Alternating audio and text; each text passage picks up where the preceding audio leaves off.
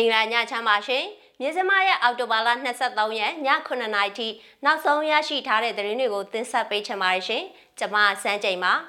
နိုင်ငံခေါင်းဆောင်တွေရဲ့အမှုကိုလိုက်ပါဆောင်ရွက်ပေးနေတဲ့ရှင့်နေဦးကြည်ဝင်းကို အမှုချေနေတွေပြောဆိုခွင့်ပိတ်ပင်လိုက်တဲ့အကြောင်းတရုတ်မြန်မာနယ်စပ်ဂိတ်ကမြန်မာလူသား400လောက်ထပ်မံဝင်ရောက်ပြီးနေရက်ပြန်မြန်မာလူသား13000ကျော်အထိရှိလာတဲ့အကြောင်း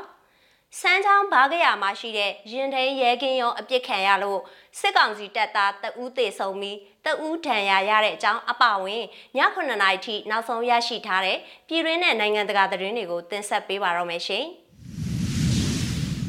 ပထမဆုံးသတင်းသဘောအနေနဲ့နိုင်ငံခေါင်းဆောင်တွေရဲ့အမှုကိုလိုက်ပါဆောင်ရွက်ပေးနေတဲ့ရှင်းနေဦးကြည်ဝင်းကို အမှုအခြေအနေတွေပြောဆိုခွင့်ပိတ်ပင်လိုက်တဲ့အကြောင်းနဲ့စတင်လိုက်ချင်ပါတယ်။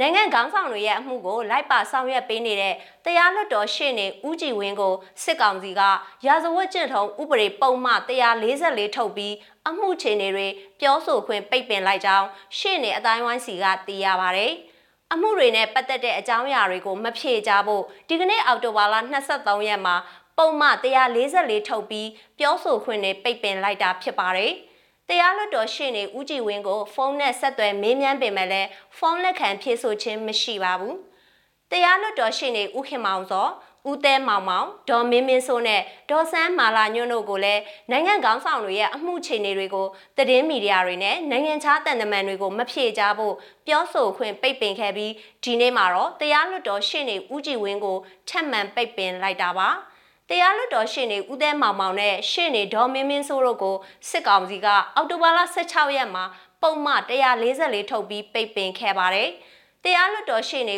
ဦးသဲမောင်မောင်နဲ့ဒေါ်မင်းမင်းစိုးတို့ကိုပုံမှန်144နဲ့ပိတ်ပင်ကြောင်းရှေ့နေအတိုင်းဝိုင်းစီကသိရှိရပြီးပိတ်ပင်တဲ့စာမှာဘာအကြောင်းအရာတွေပါရှိရဲဆိုတာကိုတော့အသေးစိတ်မသိရှိရသေးပါဘူး။ ဒါအပြင်တရားလွတ်တော်ရှိနေဦးခင်မောင်စောကိုလည်းစစ်ကောင်စီလက်အောက်ခံပြင်မနာမြို့နယ်အထွေထွေအုပ်ချုပ်ရေးမှူးကိုတိုင်လက်မှတ်ရေးထိုးပြီးအောက်တိုဘာလ14ရက်ရက်စွဲနဲ့ရာဇဝတ်ကျင့်ထုံးဥပဒေပုံမှန်144ထုတ်ပြီးတော့စာထုတ်တာမြစ်ခဲ့ပါတယ်။ ပထမဆုံးစတင်ပိတ်ပင်ခံရသူမှာနိုင်ငံတော်ရဲ့အတိုင်ပင်ခံပုဂ္ဂိုလ်ဒေါ်အောင်ဆန်းစုကြည်ရဲ့တရားလွတ်တော်ရှေ့နေဒေါ်စန်းမာလာညွန့်ဖြစ်ပြီးနိုင်ငံခြားတန်တမာအပါအဝင်သတင်းမီဒီယာတွေနဲ့ INGO အဖွဲ့အစည်းတွေကိုဆက်သွယ်ခြင်းနဲ့ပြန်လည်ဖြည့်ဆို့ခြင်းတွေမပြုလုပ်ဖို့ရန်ကုန်မြို့ကြောက်တရားမြို့နယ်အုပ်ချုပ်ရေးမှူးကဩ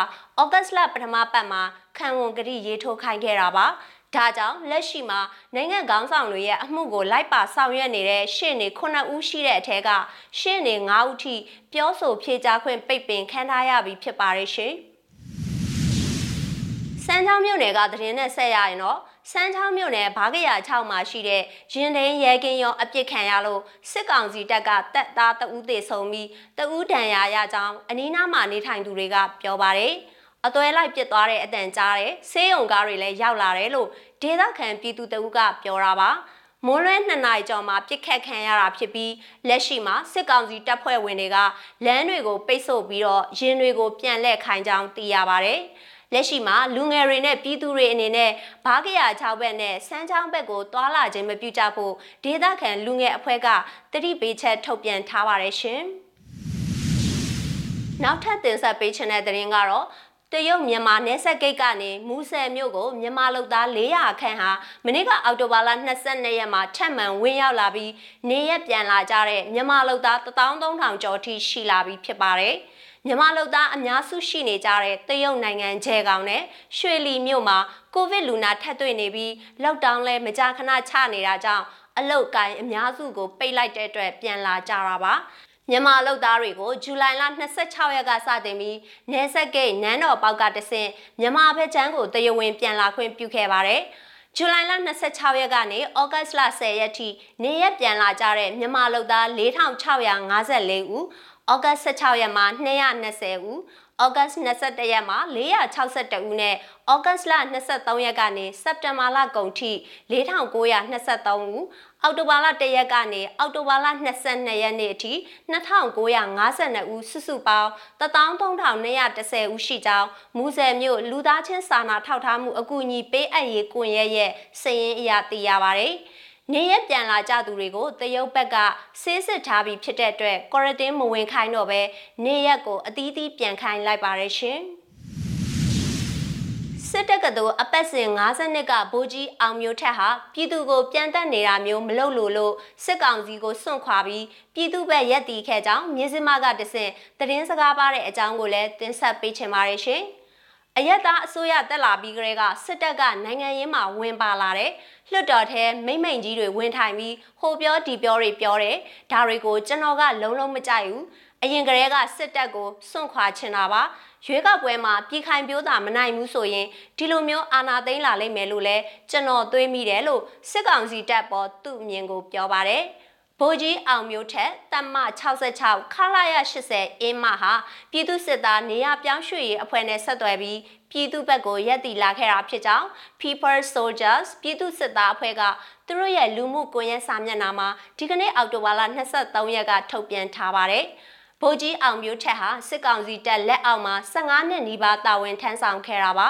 ကျွန်တော်ကြုံသေးလိုက်တာတော့ကရားပြည်နယ်ကိုလုံခြုံရေးနဲ့နယ်မြေရှင်းလင်းရေးဆိုပြီးကျွန်တော်တာဝန်ကြတဲ့အချိန်မြင်ရတာတွေကြားရတာတွေကစစ်တပ်ကပြည်သူကိုနှိပ်စက်တယ်လို့တွေလုပ်နေကြတယ်အနိုင်ကျင့်တာမျိုးဖြစ်နေတယ်အဲ့ဒီတော့ဗျာဘလို့ပြောရမလဲပြည်သူကိုကိုလက်နဲ့လှုပ်လိုက်တာမျိုးဖြစ်သွားမှာဆိုလို့တတ်လိုက်တာမျိုးဖြစ်သွားမှာဆိုလို့ခုလိုပြည်သူဘက်ကိုပူပေါင်းလာတာပါလို့သူကပြောပါတယ်